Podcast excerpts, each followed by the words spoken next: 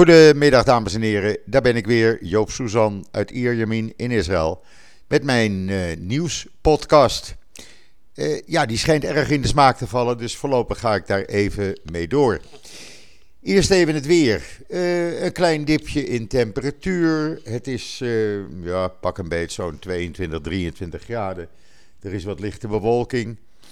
Maar dan morgen dan, gaan we richting hittegolf, die dan in het weekend of tegen het weekend, uh, zijn hoogtepunt bereikt. Dus we doen het er maar even mee. Ja, en dan uh, afgelopen nacht om, uh, ja, eerst gisteravond om kwart voor elf en toen om drie uur. Toen ging het luchtalarm weer af in het zuiden van Israël. in totaal zijn er vijf raketten afgevoerd, waarvan eentje om zondagavond om kwart voor elf. Die kwam in een open veld niet ver van de grens met Gaza terecht. Een uur later werd er weer een raket afgevuurd. Maar die kwam in open gebied in Gaza terecht. En om drie uur toen ging het uh, luchtalarm weer op mijn telefoon. En wat bleek, er waren drie raketten richting Israël afgevuurd.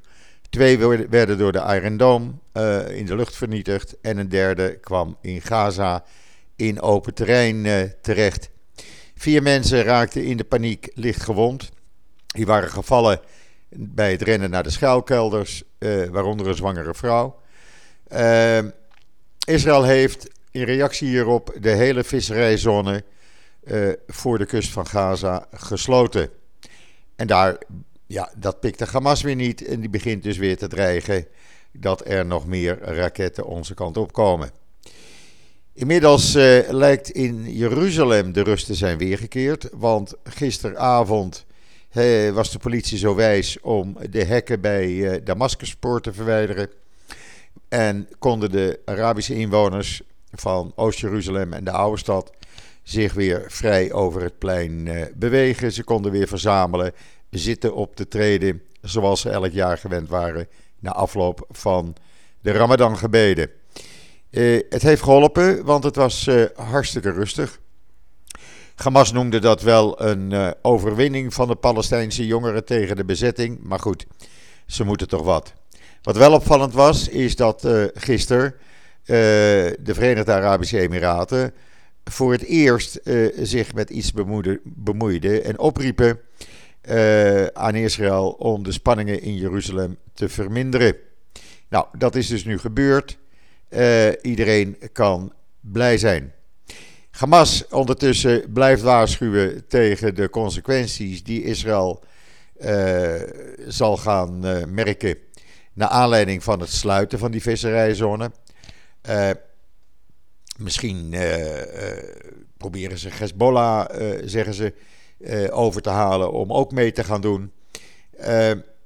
we zullen het zien wat daar daadwerkelijk gaat gebeuren. Het is natuurlijk wel een behoorlijke inkomensdaling voor duizenden vissers uit de Gazastrook. Maar ja, eh, als zij eh, raketten blijven afschieten, en dat is nu al eh, vier avonden op een rij, eh, dan, of drie avonden op een rij moet ik zeggen, sorry. Dan, eh, ja, dan moet Israël wat doen. Ze hebben een plan klaar om de Gazastrook binnen te vallen. Men zegt dat ze twee dagen nodig hebben om aan alles een eind te maken, maar dat zit er nog niet in.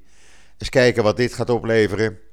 Uh, Hamas zegt dat ze geen beperkende maatregelen en druk op het Palestijnse volk zullen accepteren. En dat Israël de gevolgen van zijn agressieve gedrag zal moeten dragen. Uh, het is tenslotte Hamas die constant die raketten afschiet. Maar goed, we zullen kijken. In het verleden is die visserijzone ook wel eens afgesloten geweest. En meestal na 24 of 36 uur kon men weer gaan vissen. We zullen het zien. Um, ondertussen um, heeft de Palestijnse autoriteit meegedeeld uh, dat ze eigenlijk een reden hebben gevonden om de uh, verkiezingen uit te gaan stellen. Jawel. Uh, onder het mom van Israël staat niet toe dat Oost-Jeruzalem, inwoners van Oost-Jeruzalem, mee mogen stemmen. Uh, ziet het er naar uit dat in de komende dagen meneer Abbas en co. gaat aankondigen dat de verkiezingen voor onbepaalde tijd worden uitgesteld. En niet alleen de verkiezingen voor het zogenaamde Palestijnse parlement, maar ook de geplande verkiezingen voor een nieuwe president in juli. De echte reden is natuurlijk dat Abbas al lang in de gaten heeft dat uh, Hamas aan de winnende hand is op de Westbank. Dat betekent dat Hamas daar uh, het voor het zeggen gaat krijgen. Nou, dat wil Abbas niet. Dus gebruikt hij het smoesje van Israël, laat de inwoners van Oost-Jeruzalem niet meedoen. Ja, je moet toch iemand de schuld geven. Ondertussen is Netanyahu uh, een beetje radeloos aan het worden. Een beetje, je kan eigenlijk zeggen een uh, beetje boel. Hij heeft uh, Benny Gans het aanbod gedaan van weet je wat, we gaan roleren. Jij gaat nu een jaar als minister-president, dan ik weer twee jaar en dan jij weer een jaar. En ondertussen blijf ik wel in de officiële residentie in Balfour Street in Jeruzalem wonen. Nou, het feit dat we al meer dan twee jaar politieke uh, problemen hebben, is juist gelegen in het feit dat Netanyahu die rotatiedeal met Gans in het vorige kabinet heeft opgezet. Nou, Gans is er dus niet op ingegaan. Uh, toen is hij naar Bennett gegaan. Netanyahu heeft gezegd: uh, hetzelfde voorstel. Jij een jaar, ik twee jaar, jij weer een jaar. En ik blijf lekker zitten waar ik zit in Balfour Street. Uh, Bennett heeft zojuist gezegd: van luister, er is ons alles aangelegen om vijfde verkiezingen te voorkomen. Wij gaan vooralsnog niet op dat aanbod in van Netanyahu. Wij gaan uh, samen met de oppositie een, een, regering samenstellen. We zijn er al heel ver mee. Volgens berichten gaat het nog even om het invullen van een paar posten. Waaronder de post van wie de speaker of de Knesset zal moeten zijn. Uh, als dat is opgelost, dan wil men dat voorstel indienen bij president Rivlin. Die dan Bennett en Lapid kan benoemen uh, tot de twee mensen die een regering mogen samenstellen. Ondertussen zijn er nog meer problemen voor Netanyahu, want het Hoge Rechtshof heeft bepaald dat er uiterlijk morgenmiddag een minister van Justitie uh, moet zijn benoemd. Die hebben namelijk al een, uh, sinds 1 april niet meer. Uh, dat is naar aanleiding van een, een, verzoek aan het Hoge Rechtshof van de organisatie voor goed, hoe noem je dat, goede democratie. Die willen ook dat er een minister voor sociale gelijkheid wordt benoemd, een minister voor hogere onderwijs. dat zijn allemaal posten die, ja, die zijn er niet op dit moment. Die zijn er wel, maar er zijn geen ministers. Die zijn afgetreden. Uh, Netanyahu probeert een minister van Justitie uit te stellen vanwege zijn proces. Hij weet dat als hij naar vijfde verkiezingen toe gaat, dan kan hij benoemen wie hij, wie hij wil als minister van Justitie en ook als procureur-generaal en het vervangen van leden van het Hoge Rechtshof. Dat is allemaal in zijn voordeel vanwege zijn proces. We zullen kijken wat er morgen gebeurt. Gans heeft laten weten wel geïnteresseerd te zijn in de job voor een paar weken. Uh, we zullen het zien. Inmiddels heeft Frankrijk uh, de Algerijnse koerier uh, van voedselbezorgingsdienst, Deliveroo, het land uitgezet. Die man was veroordeeld het vanwege het weigeren Joodse klanten te bedienen. Hij heeft zijn straf af, uitgezet, uitgezeten. Hij is 19 jaar, verbleef illegaal in Frankrijk en is nu terug naar Algerije gedeporteerd. Kijk, het kan dus wel.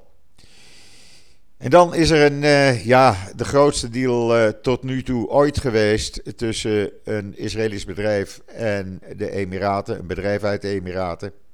Delek uh, Drilling, oliemaatschappij, die heeft zijn 22% aandelen in het Tamar gasreservoir in de Middellandse Zee verkocht voor 1,1 miljard aan het door de regering van de Emiraten of Abu Dhabi uh, gerunde Dala Petroleum bedrijf.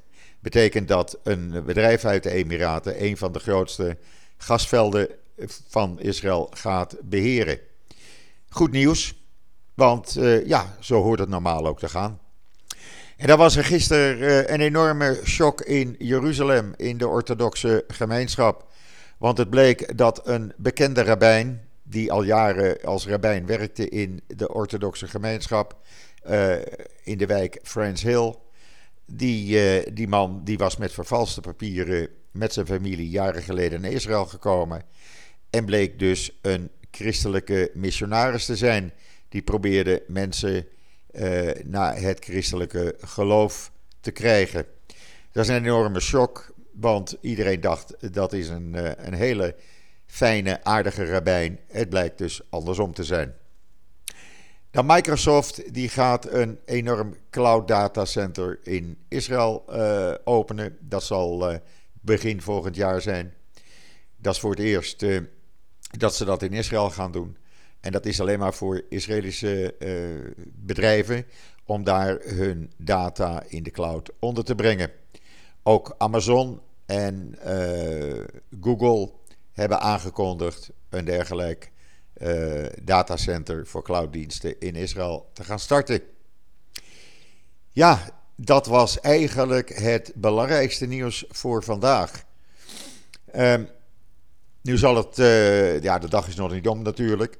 Maar hou daarom even JoodsNL of mijn Twitterlijn in de gaten. Mocht er iets spannends gebeuren, meld ik het daar. En als het echt heel spannend is, kom ik met een live uitzending. Voor nu uh, stop ik er even mee. Morgen ben ik er weer rond dezelfde tijd. En zeg ik uh, tot ziens. Tot morgen.